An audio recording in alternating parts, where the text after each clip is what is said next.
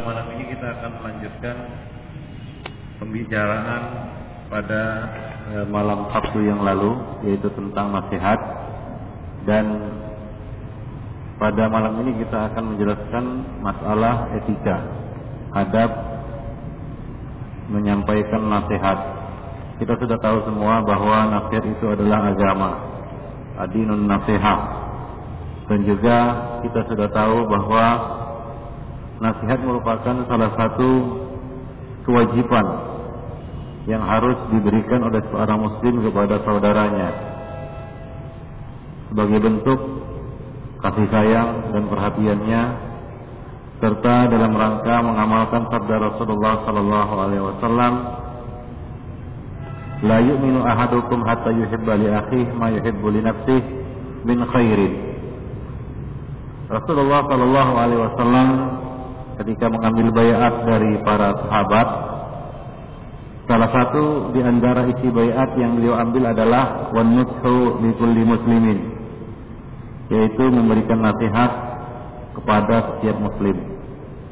Dan Rasulullah Shallallahu Alaihi Wasallam menjadikannya sebagai salah satu hak hak muslim atas muslim yang lainnya yaitu ida istan sohaka fansahlahu jika ia minta nasihat kepadamu maka berilah dia nasihat. Dan kita sudah jelaskan ikhwan fillah wa rahimakumullah jami'an arti kata dari uh, nasihat itu sendiri yaitu uh, ketulusan dan iradatul khair. Kehendak untuk menyampaikan kebaikan kepada orang lain yaitu kepada saudara kita. Dan pada malam ini kita akan dan juga kita sudah jelaskan tentang e, beberapa bentuk-bentuk nasihat. Ya, bentuk-bentuk nasihat. Bahwasanya nasihat ini sangat luas dan ada pada beberapa bentuk. Dan pada malam ini kita akan mengupas tentang adab-adab yang perlu diperhatikan dan diketahui dalam masalah dalam hal nasihat menasihati ini. Yang pertama Ikhwan yang perlu diperhatikan adalah uh, niat as-salihah. Niat yang lurus. Ya, niat yang lurus. Artinya ketika seorang menyampaikan nasihat kepada saudaranya, hendaklah dia tuluskan, dia bersihkan niatnya.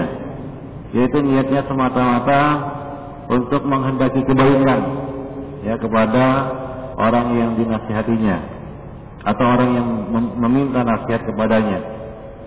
Maka dari itu Khonifuddin memberikan nasihat itu haruslah dengan niat yang ikhlas.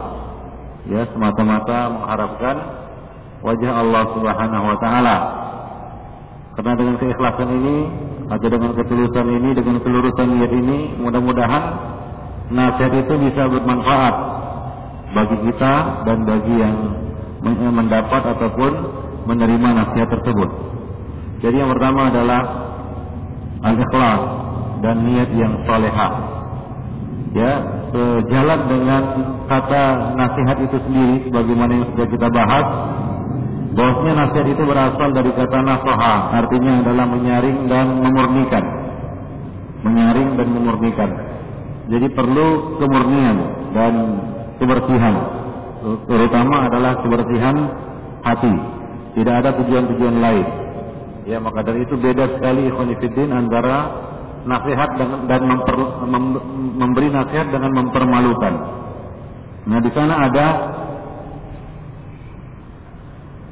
beberapa orang yang menyampaikan nasihat, dia kira itu nasihat, tapi ternyata itu adalah bentuk mempermalukan orang lain.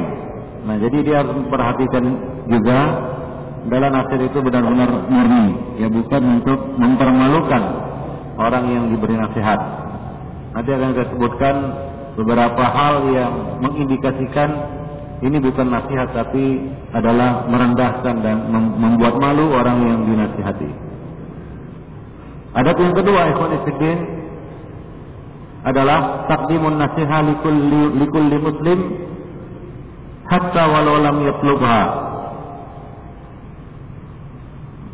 Memberikan nasihat kepada setiap muslim walaupun ia tidak memintanya. Dan ini merupakan kamalun nafsi li akhina al-muslim. Ini merupakan kesempurnaan nasihat bagi saudara kita sesama muslim.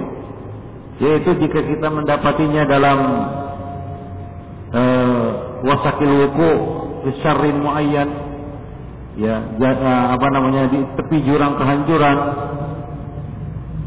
bi khata'in atau jatuh dalam satu kesalahan syar'i atau dikhawatirkan ia jatuh dalam mudarat baik urusan dunia apalagi agamanya atau masalah-masalah lainnya yang mana mungkin dia tidak menyadarinya ya dia tidak menyadarinya. Fabadarahu bin fabadirhu bin maka hendaklah kita men menyambutnya mendahulukan mendahuluinya dengan memberikan nasihat hatta walau lam yuslub Walaupun dia tidak memintanya, karena dia tidak meminta di sini ada beberapa kemungkinan. Kemungkinan pertama dan ini yang paling berat, kemungkinan yang paling besar, yaitu dia mungkin tidak menyadari kesalahan tersebut. Berapa banyak ya kita katakan saudara kita Muslim dia tidak menyadari atau di dalam kondisi lengah ataupun lalai, itu bisa saja terjadi pada seorang Muslim hingga kadangkala dia melupakan hal-hal yang dianggapnya itu benar ternyata salah. Ya, ternyata salah. Hal-hal yang dianggapnya ma'ruf ternyata mungkar. Hal-hal yang dianggap khair ternyata syar. Maka ini perlu diberi nasihat. Demikian Ikhwanifidin. Apalagi karena keterbatasan ilmu, kadang-kadang perkara yang baik bisa dianggap sebagai buruk, atau perkara buruk bisa dianggap sebagai perkara baik. Karena keterbatasan ilmu. Maka apabila kita melihat saudara kita jatuh dalam kesalahan tertentu atau keburukan baik dunia dan akhir, maupun akhirat maka hendaklah kita segera memberikan nasihat kepadanya tapi tentunya ikhwanifiddin kita melihat momen yang tepat untuk menyampaikannya ya momen yang tepat untuk menyampaikannya maka dari itu adab yang ketiga adalah al-ikhtiyar atau ikhtiyar al-uslub al-munasib lil nasihah. Memilih cara, uslub. Uslub artinya cara yang cocok untuk menyampaikan nasihat. Fa innahu fi ahwalin muayyanah yumkin ayan sahal insan li ghairihi bisyaklin mubashir. Dalam beberapa kondisi mungkin seorang insan menyampaikan nasihat kepada orang lain secara langsung, bisyaklin mubashir, artinya langsung. Ya kadang-kadang ada kondisi itu bisa. Ya kita memberikan atau menyampaikan nasihat kepadanya secara langsung. Ya mungkin dalam perkara-perkara ataupun dalam kasus-kasus yang tidak membuat dia malu apabila disampaikan di depan umum ya kadang-kadang ada satu dua kekeliruan yang itu dimaklumi oleh banyak orang dan dimaklumi oleh dia sendiri kan begitu ya nah yang mana kalau dinasihati di depan orang banyak, mungkin dia juga tidak tidak malu. Misalnya apa? Seorang silap dia makan pakai tangan kiri, minum pakai tangan kiri, maka kita pulang tangan kanan. Nah, kemudian dia menyadari dan dia merubah dan makan dan minum dengan tangan kanan. Nah ini mungkin bisa disampaikan langsung ya tanpa harus menunggu dia selesai makan atau menunggu dia selesai minum baru baru disampaikan nasihat tersebut. Ya, jadi ini adalah perkara-perkara yang mungkin, ya mungkin disampaikan secara langsung kepada seseorang tanpa membuat dia malu dan menjatuhkan air mukanya. Ya, nah biasanya orang juga kadang-kadang silap kan begitu ya. Dia makan pakai tangan kiri kan gitu latah, lalu ditegur, lalu dia merubah dan dia makan dan minum pakai tangan kanan. Demikian pula ketika mungkin dia sedang minum dia berdiri kan begitu ya ditegur, Nah, hal-hal seperti ini mungkin tidak akan membuat dia marah ataupun malu ataupun tersinggung apabila disampaikan secara langsung. Nah, itu contohnya Ibn Fiddin. Tapi di sana ada hal-hal yang sangat pribadi. Ya, hal-hal yang bisa membuat dia malu atau menjatuhkan air mukanya di hadapan orang banyak, ya. Misalnya hal-hal yang yang berkaitan dengan pribadinya atau dengan kedudukannya atau dengan pekerjaannya, kan begitu ya. Nah, yang mana itu butuh uh, pembahasan yang lebih panjang. Misalnya dia ya seorang yang bekerja misalnya di bank kan begitu ya. Kemudian kita jumpa dengan dia langsung kita kata pulang kamu kerja di bank ya itu uh, ya tentunya dia akan gelagapan untuk apa namanya ya untuk menanggapinya kan begitu dan dia akan malu. Mungkin dia juga tahu dia berpikir untuk keluar dan belum menemukan caranya. Nah hal-hal seperti ini ya tidak mungkin kita langsung to the point di situ kan begitu ya, enggak dia malu kan gitu. Ya. Dan apa namanya menjatuhkan air mukanya di hadapan orang orang banyak. Nah ini adalah hal-hal yang perlu pembicaraan yang lebih lanjut. Artinya pembahasan yang lebih panjang, solusi yang lebih apa? Yang lebih rumit. Ya karena ketika dia menyadari bahwasanya dia harus keluar dari pekerjaannya ini ini kan ber, apa namanya memiliki akses ke depannya apa yang harus dilakukannya dan lain sebagainya. Dan hal-hal yang tidak sederhana seperti ini nggak bisa kita langsung ke the point di hadapannya langsung kita apa tembak dia kan gitu ya. Oh kamu ini gini ya. Nggak bisa. Kenapa? Karena itu ya kalau juga itu kena kepada kita ya belum tentu kita juga dapat memecahkan masalah kita secepat yang kita bayangkan ya secepat yang kita bayangkan yaitu langsung nah, memang ada tapi jarang kan begitu ya karena itu berkaitan dengan banyak hal. Jadi di sana ada ya kita katakan kondisi-kondisi tertentu yang mungkin seorang insan itu menyampaikan nasihatnya kepada orang lain secara langsung. Saat itu juga dan ada yang tidak bisa. Nah demikian. Ya, terutama masalah-masalah ilmiah yang ini butuh apa namanya dialog yang agak lebih panjang ya maka kita hendaklah menyampaikannya secara tidak langsung. Ya misalnya seorang imam imam masjid kan gitu ya dia salah sholatnya keliru. Ya sholatnya keliru. Ya. Lalu apakah bijak misalnya habis sholat kita langsung mengatakan ini imam salah keliru gini gini gini. Ya mungkin ini akan menimbulkan apa namanya? Menimbulkan polemik yang panjang. Nah alangkah bijaknya itu lebih ya kepada apa namanya? E, nasihat empat mata memberitahukan kepadanya tanpa membuat dia malu kan? Ya begitu ya. Karena itu akan berdampak. Ya mungkin ke depannya dia nggak akan mau lagi ya akan ya, banyaknya menjadi imam atau akan muncul masalah di masjid tersebut atau fitnah. Nah ini akan membuat satu dampak yang tidak baik maka kita melihat kondisi ya yang mana kita bisa menyampaikannya langsung dan mana di mana kondisi yang kita harus menyampaikannya secara tidak langsung atau tidak saat itu juga atau melalui orang lain ya. Baina fi ahwalin ukhra yang mana pada kondisi-kondisi yang lain qad yakunul afdal boleh jadi yang lebih afdal itu adalah an-nasihatu bisyaklin ghairu mubashir menyampaikan nasihat e, tidak secara langsung sebagaimana Rasulullah sallallahu alaihi wasallam ya me, apa namanya menyamarkan identitas orang-orang yang diberinya nasihat dengan mengatakan misalnya ma balu aqwamin yaquluna kadza wa kadza wa yaf'aluna kadza wa kadza. Mengapa orang-orang ada yang berkata seperti ini dan seperti ini? Yaitu menyamarkan. Ya menyamarkan orang yang diberi nasihat. Ya ini kadang-kadang perlu ya tanpa harus menyebut ya apa namanya nama. Nah, nah di sana ada kondisi-kondisi yang harus menyebut namanya apabila kondisinya samar ya tidak akan mengerti kecuali dengan menyebut namanya maka itu boleh. Tapi kalau bisa tidak disebutkan namanya atau disamarkan identitas orang yang diberi nasihat maka itu lebih baik. Ya lebih lebih apa namanya elegan dan lebih uh, apa namanya terhormat. Dan kemungkinan nasihat diterima dan didengar juga lebih besar. Wa ahyanan takun nasihat di takdimil qudwah fil amal. Dan kadangkala nasihat itu dalam bentuk memberikan contoh secara nyata. Namun maksudnya adalah nasihat.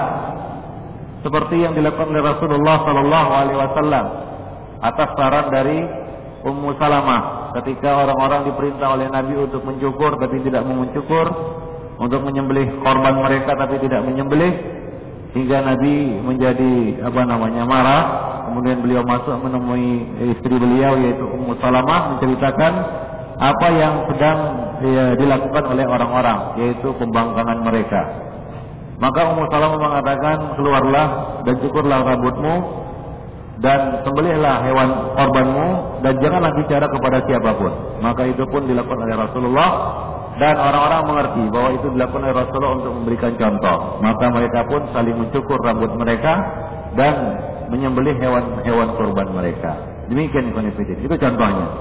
Jadi kadang-kadang nasihat itu bisa juga dalam bentuk uh, takdim al-qudwah fil amal, memberikan contoh qudwah, panutan di dalam amal. Namun tujuannya adalah menyampaikan nasihat. Wa hakadha faqad yakhtalifu uslubun nasihat bihasabi ikhtilafil mansuh. Demikian pula cara ataupun metode menyampaikan nasihat itu berbeda menurut kondisi al-mansuh, yaitu yang diberi nasihat. Misalnya kepada orang yang lebih kecil dari kita, orang yang sebaya, seumur dengan kita, dan orang yang lebih tua dari kita. Ya, karena Rasulullah Shallallahu Alaihi Wasallam juga memberikan satu eh, pedoman ya eh, berkaitan dengan tingkatan usia ini. Laisa minna man lam yarham saghirana wa yuwakkir kabirana wa ya'lam li alimina haqqahu. Bukan dari golongan kami orang yang tidak menyayangi orang yang lebih muda, menghormati orang yang lebih tua dan mengerti, mengetahui hak-hak orang-orang yang berilmu di antara mereka. Jadi itu ada beberapa tingkatan manusia yang Allah Subhanahu wa taala uh, Rasulullah sebutkan di sini yaitu dipandang dari usianya. Ada yang lebih tua dari kita dan ada yang lebih muda. Bagaimana caranya? Yang lebih tua itu kita beri penghormatan, yaitu kita hormati, dan yang lebih muda kita sayangi, dan orang-orang yang alim yang mengajarkan kita ilmu, maka kita harus tahu hak-haknya. Nah demikian ya Khonifuddin. Rahimani wa rahimakumullah jami'an. Dan apabila itu dilaksanakan oleh seorang muslim, maka dia akan mengerti, tahu diri dan tahu menempatkan dirinya dan bagaimana dia harus berbuat dan bersikap. Misalnya sahibu makanan makanah istimaiyah muayyana. Misalnya seorang yang punya kedudukan sosial yang tinggi. Misalnya dia seorang kepala kampung misalnya, kepling, kepala lingkungan. Ya atau orang yang apa namanya membawahi banyak masa misalnya. Misalnya dia adalah seorang yang terpandang di e, kampung itu maka memberi nasihat kepada orang ini juga tidak sembarangan atau tidak boleh selambangan.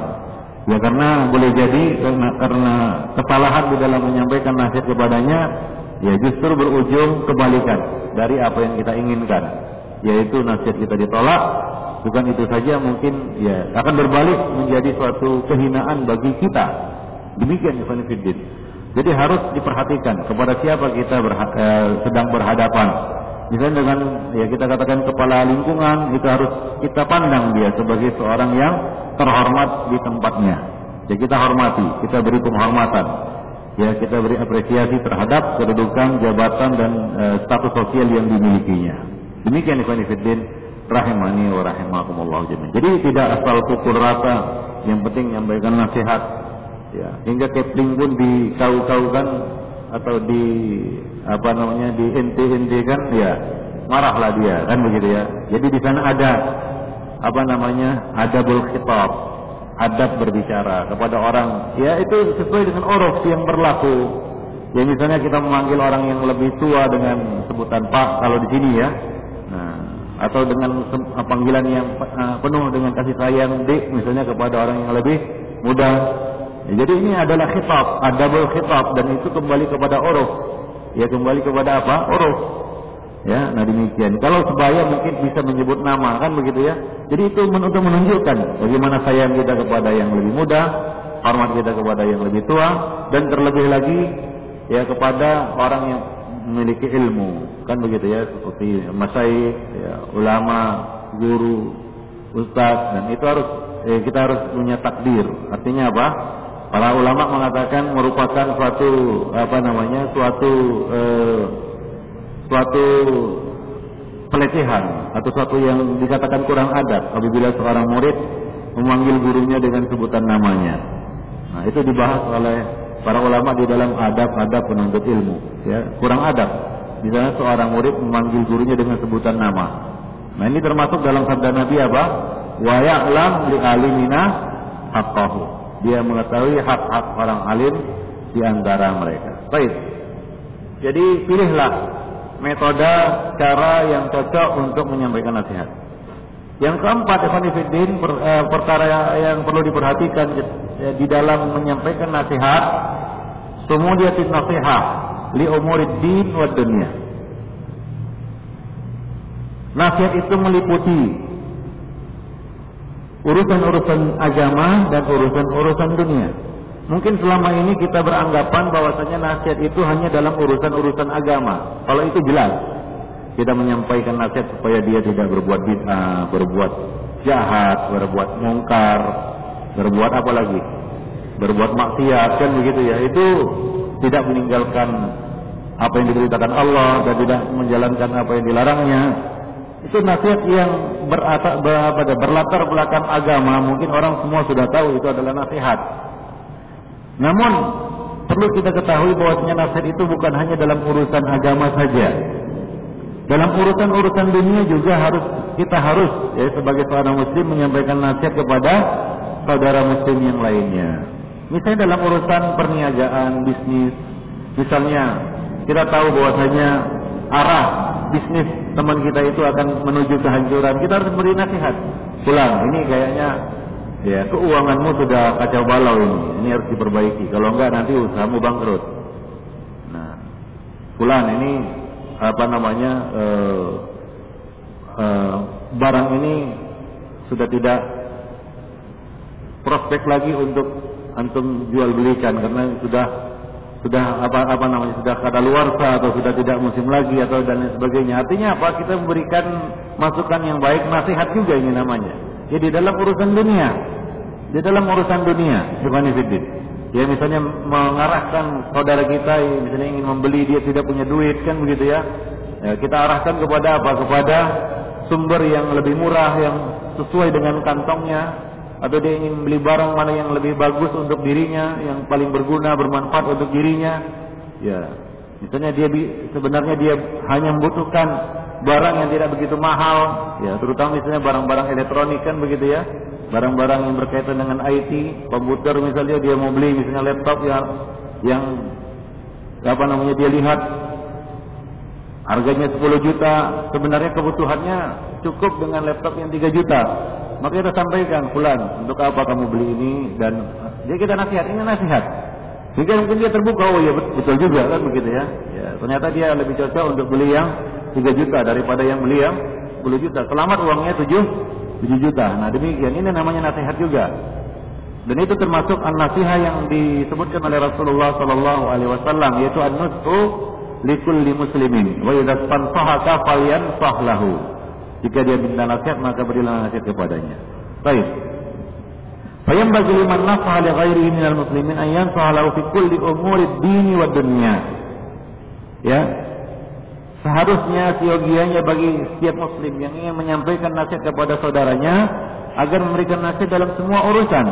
Bukan hanya urusan agama, tapi juga urusan-urusan dunia. Baik.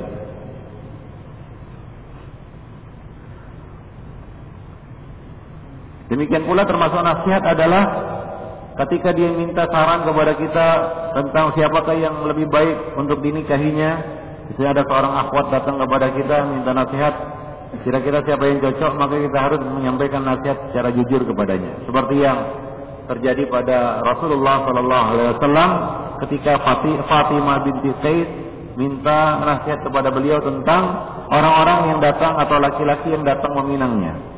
Ya, ada Abu Abu Jaham dan ada Muawiyah bin Abi Sufyan. Maka Rasulullah menyampaikan nasihat kepadanya dengan mengatakan, adapun Abu Jaham dia tidak pernah meletakkan tongkatnya dari pundaknya. Adapun Muawiyah seuluk, yaitu tidak punya harta alias miskin. Kemudian Nabi menyampaikan nasihat yaitu kalau uh, yang terbaik bagimu adalah nikahilah Usama. Maka akhirnya singkat cerita Fatimah binti Qais juga nikah dengan uh, Usama bin Zaid. Demikian Ikhwanuddin. Ini salah satu bentuk nasihat. Al-adabul khamis Adab yang kelima adalah Al-khamis adalah al-israr bin nasihat ya menyembunyikan. Ya menyembunyikan nasihat. Ini asal ya. Al aslu istararun nasihat. Asalnya itu di dalam nasihat adalah dengan menyembunyikannya. Artinya adalah asir yaitu melirihkan hingga tak tahu orang lain. Antakunan nasihat sisir. Itu menyampaikan nasihat kalau bisa empat mata. Walaisat alaniya amaman Tidak terang-terangan di hadapan manusia. Fa inna aktsaran nas la yaqbaluna an-nasiha idza kana fil alan. Karena manusia, mayoritas manusia, siapa saja Ya, mungkin jarang Pak ya kita katakan yang tidak pernah tersinggung. Pasti tidak menerima nasihat jika disampaikan terang-terangan. Apalagi dalam perkara-perkara yang sifatnya pribadi, rahasia. Wadali kalimatiha min ijrahihim amamal akharin. Karena perbuatan seperti itu dapat melukai mereka di hadapan orang lain. Wal iham di tanaqqusihim wa tahkirihim dan mengesankan itu merendahkan dan mempermalukan mereka, ya, melecehkan mereka yang dinasihati. Walidah faqad ta'khudhuhumul izzah wal bil izni. Oleh karena itu akan muncul perlawanan reaksi untuk mempertahankan kesalahannya. Ya fayarqudu fayarquduna qaul qabulun nasihat hingga berujung kepada dia menolak menerima nasihat tersebut. Ya, karena setiap, setiap orang pasti akan punya reaksi yang spontan. Nah, kalau dia misalnya kesalahannya ya, kita katakan kesalahannya. Ya, artinya diungkap di hadapan orang banyak, maka secara otomatis dia punya reaksi untuk membela diri. Itu itu adalah suatu hal yang sangat manusiawi. Ya, seorang itu memberikan reaksi untuk menutupi kesalahannya.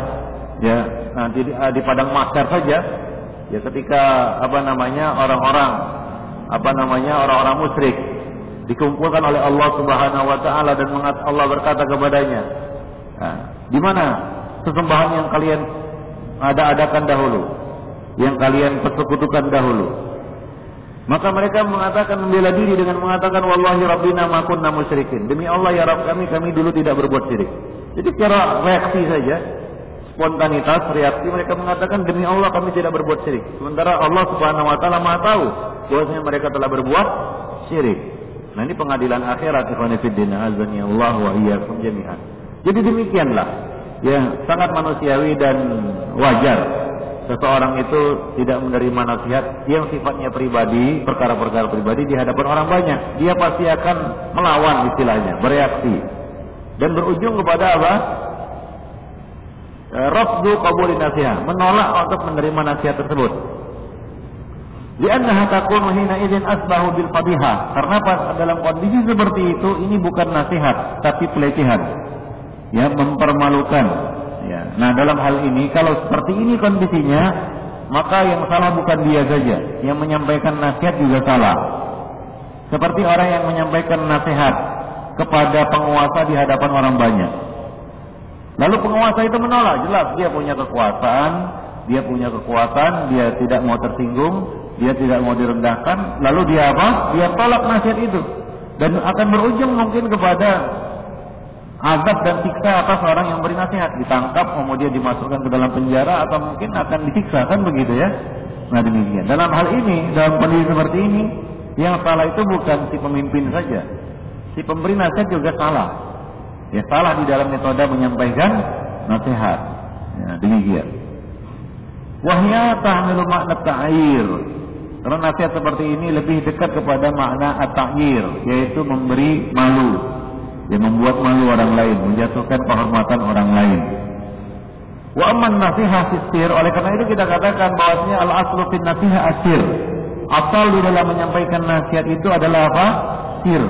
Sebagaimana al-aslu fid dakwah al-lin. Asal di dalam menyampaikan dakwah itu adalah apa? Lemah, lembut. Faqula lahu qawlan layyina. Nah, demikian ini yang harus kita perhatikan. Jadi dikecualikan dalam kondisi-kondisi yang mungkin kita menyampaikan secara terang-terangan. Itu kondisi pengecualian. Al aslu asir. Ya, hukum asalnya adalah dengan menyembunyikannya. Nah, ini yang harus kita perhatikan. Fa innaha la tahmilu hadil ma'ani. Adapun menyampaikan nasihat secara rahasia itu tidak akan jatuh kepada makna-makna yang kita sebutkan tadi. Orang juga tidak akan merasa tersinggung, orang juga tidak akan merasa terhina, orang juga tidak akan merasa dipermalukan. Tidak merasa dikerdilkan, direndahkan dan tidak akan tidak merasa apa namanya uh, kehormatannya jatuh dengan uh, apa namanya uh, nasihat yang sir ini. Nah, demikian juga Ibn bagi orang yang memberikan nasihat, memberikan nasihat secara terang-terangan itu juga bisa membahayakan niatnya. Ya, bisa membahayakan niat orang yang menyampaikan nasihat. Kadang-kadang kita tua, karena menyampaikan nasihat secara terang-terangan kan orang lain juga tahu kan begitu ya, Wah. Kadang-kadang muncul setan masuk ke dalam darah kita, Wah. Wah, kamu ini hebat muncul kesombongan mungkin atau muncul kecongkakan atau muncul hal-hal yang membuat hatinya bergeser, niatnya bergeser. Ya, keikhlasannya ya apa namanya? bergeser. Ya karena itu. Nah, menyampaikan nasihat terang-terangan kepada orang lain. Nah, ini juga membahayakan niat orang yang menyampaikan nasihat. Apalagi ya ternyata apa? Sambutan dari orang yang diberi nasihat ternyata tidak seperti yang diharapkannya itu reaksi untuk mempertahankan. Nah ini bisa sampai kepada apa? Debat kusir biasanya. Kemudian ya ujung-ujungnya lebih parahnya lagi yang memberikan nasihatnya menjatuhkan vonis. Saat itu juga. Dan lebih parah lagi kalau vonisnya itu vonis yang bisa kembali kepada dia. Misalnya apa? Vonis tafsir, tabdi dan takfir.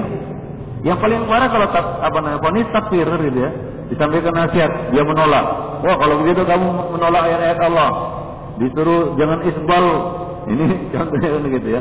Nah di sana ada ya hal yang nggak bisa kita sampaikan langsung kan begitu ya. Nah kamu udah disampaikan hadisnya, ayatnya kamu masih isbal juga. Nah, akhirnya apa? Orang itu melawan kan gitu. Wah ini kan saya nggak sombong. Akhirnya terjadilah jidal. Nah sudah jidal lagi mana? Jatuhlah, keluarlah fonis merembetlah masalah itu kepada hal yang lebih besar.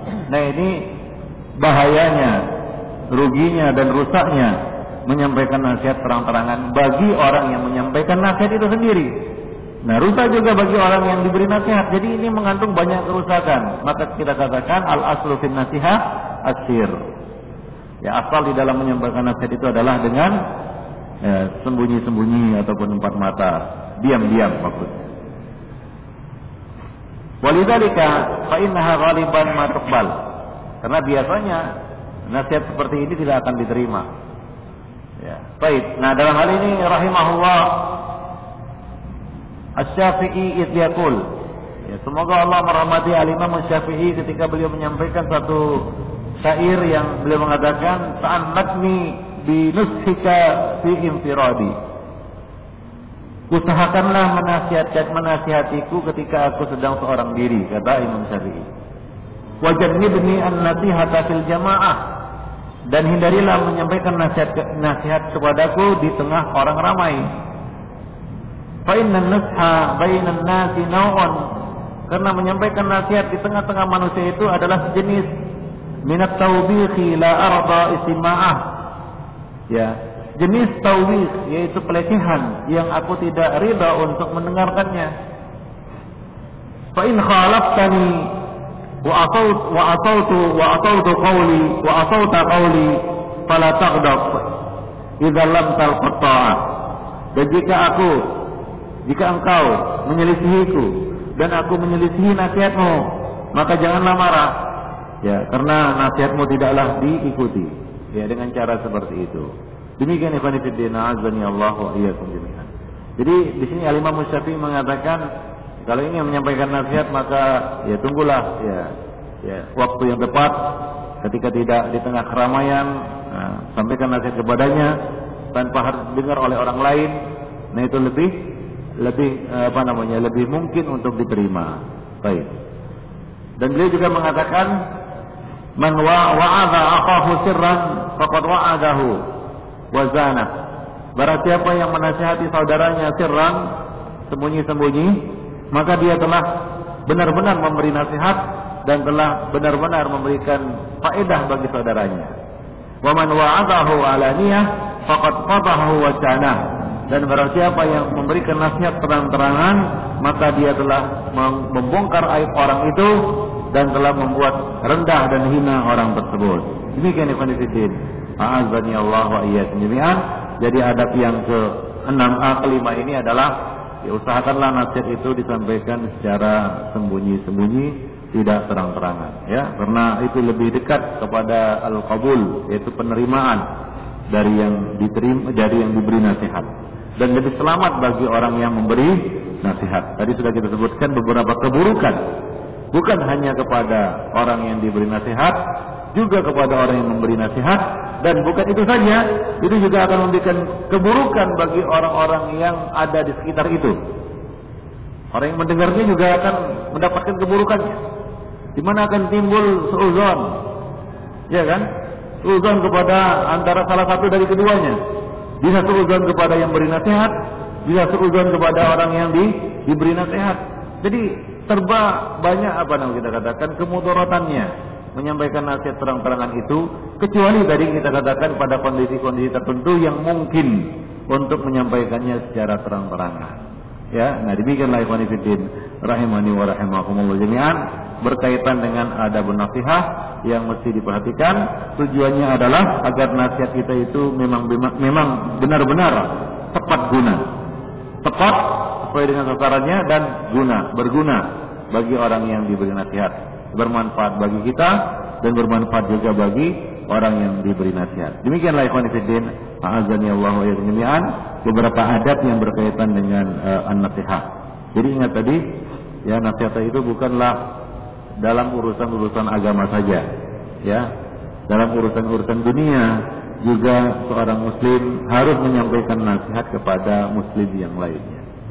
Jadi kalau demikian adanya nggak ada sebenarnya persaingan antara muslim dengan muslim yang lainnya. Karena Nabi mengatakan al muslim antara muslim yang satu dengan muslim yang lainnya itu seperti apa?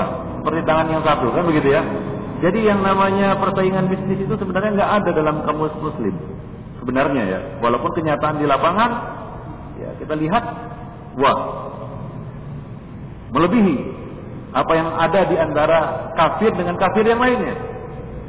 Kita juga heran gitu. Kenapa bisa terjadi seperti itu? Yang seharusnya itu tidak ada di dalam ya apa namanya uh, hubungan muamalah di antara sesama muslim. Kenapa? Sesama muslim itu harus saling menasihati. Bukan apa namanya saling mau menjatuhkan atau saling apa namanya mencelakakan kan begitu ya seperti yang kita lihat. Nah mungkin mereka berasumsi wah ini kan urusan dunia. Nggak ada nasihat menasihati. Tidak salah. Ada. Ya di dalam urusan-urusan do dunia. Coba lihat para sahabat Rasulullah. Mereka adalah para pedagang juga ya tapi kita lihat bagaimana ya mereka saling menasihati satu sama lainnya saling mendukung saling apa namanya mendorong mendukung ya saling apa nama e, membantu ya, ya hingga mereka menjadi kuat. Ya. dunia maupun akhiratnya. Kuat dunianya kuat juga akhiratnya. Ya jadi sangat indah kalau muamalah muslim itu seperti ini. Tidak saling jegal kan begitu ya? Wah ini saingan bisnis ini. Tahu dia saudaranya itu akan menuju kehancuran usahanya ya dia dia, dia, dia, dia biarkan saja hancurlah, mampuslah gitu ya. Nah ini kan nggak benar, nggak tepat sebenarnya ya. Jadi kita harus saling menasihati juga dalam urusan dunia. Ya, ikhwanifidin, azani Allah wa Itu mungkin yang perlu kita garis atasi ya di dalam uh, pelajaran kita kali ini. Ya, nah jadi ya sebenarnya kita kurang setuju juga dengan istilah apa namanya saingan bisnis. Wah itu saingan bisnis juga gitu kan gitu. Padahal mungkin juga kan gitu ya. Ya kenapa ini muncul gitu? Kata-kata ini muncul ya mungkin karena itu tadi tidak memahami konteks nasihat di dalam agama Islam. Ya, konteks nasihat itu dipersempit dalam urusan agama saja. Ya, padahal tidak. Ya, nasihat itu juga berlaku dalam urusan-urusan dunia, ya, urusan-urusan dagang dan lain sebagainya. Nah demikian. Rahimani wa uh, para ikhwatiddin azani Allah wa iyyakum jami'an. Nah itu mungkin yang perlu kita perhatikan ya berkaitan dengan nasihat. Mudah-mudahan ada manfaatnya. Aqulu qawli hadza wa astaghfirullah li wa lakum wa lisairil muslimin. Innahu huwal ghafurur rahim. Ada yang ingin bertanya? Ya. hmm.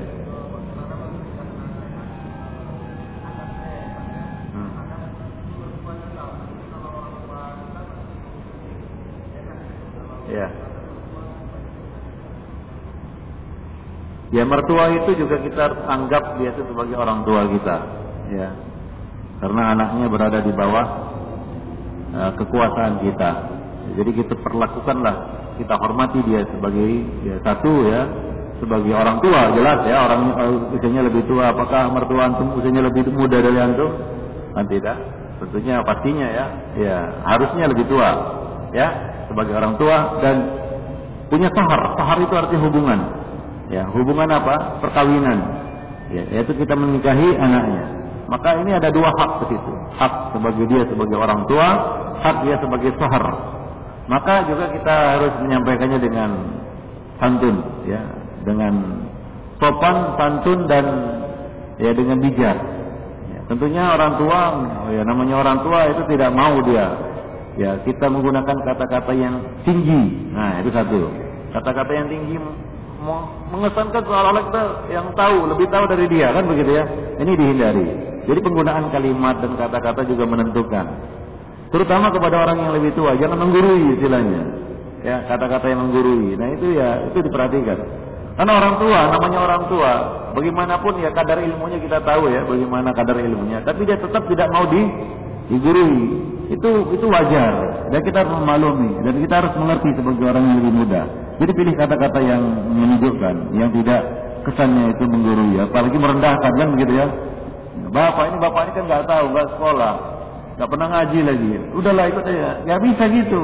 Kesannya memaksakan, kesannya merendahkan menggurui ya dia nggak mau lah kan begitu ya apa ini baru kemarin makan garam maka bicaranya gitu gitu pula leksinya nah jadi harus dipilih kata-kata yang tepat lah ya seperti Nabi Ibrahim kepada ayahnya ya abati ya lima tak bodoh malayu bisiru malayu malayu bisiru walayat ma walayu ini angka saya wahai ayahku kan begitu mengapa engkau sembah sesuatu yang tidak melihat tidak mendengar dan tidak memberikan manfaat kepadamu sedikit pun. Jadi demikian. Jadi dengan apa namanya? Dengan kata-kata yang bijak. Demikian. Jadi jangan uh, bodoh kali kan gitu ya. Itu kata-kata mungkin ya kalau bayar mungkin nggak apa-apa. Itu pun kadang-kadang kurang tepat. Ya. Ya jadi kita harus pilih, apalagi kepada orang tua kan gitu ya. Jangan muncul kata-kata yang itu mengesankan wah kita mengguruinya, apalagi merendahkannya kan begitu. Nah, tentunya momen juga di hadapan dia nggak mau kan di hadapan istrinya kan gitu ya, atau mertua perempuan kita nasihati atau di depan keluarganya atau di depan istri kita kan gitu ya. Nah, jadi pilih waktu yang tepat. Nah, demikian. Nah, itu mungkin perlu diperhatikan. Dia ya, dia punya dua hak. Hak sebagai orang tua kan gitu ya, yang lebih tua, hak sebagai sahar yang kita punya hubungan uh, apa namanya? perkawinan dengan anaknya begitu. Ya. Ada lagi?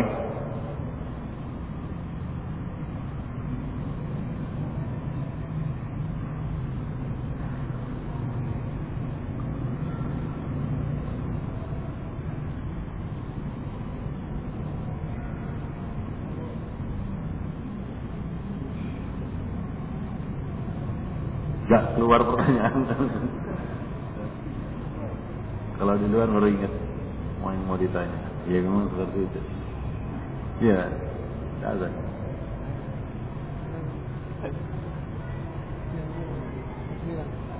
Ah, ya. Apa?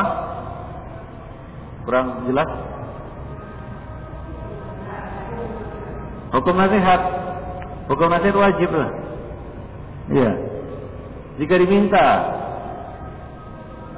Nabi mengatakan idza tanfahaka falyanfahlahu.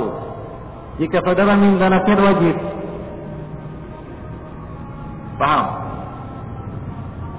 Dan dianjurkan mustahab kalau tidak diminta. Ya, dan tadi sudah kita bahas bahwasanya kita tidak boleh menunggu diminta. Nah, memberi itu dianjurkan. Tapi kalau dia minta, maka kita harus wajib memberikan nasihat. Nah, demikian. Sama seperti salam, kalau kita diberi salam wajib untuk di, dijawab. Memberi salam dianjurkan. Nah demikian. Wallahu a'lam bishawab. Demikianlah ikhwan kajian kita pada malam ini. Yang mudah-mudahan bermanfaat. Subhanakallah bihamdik. Asyhadu an la ilaha illa wa astaghfiruka wa atubu.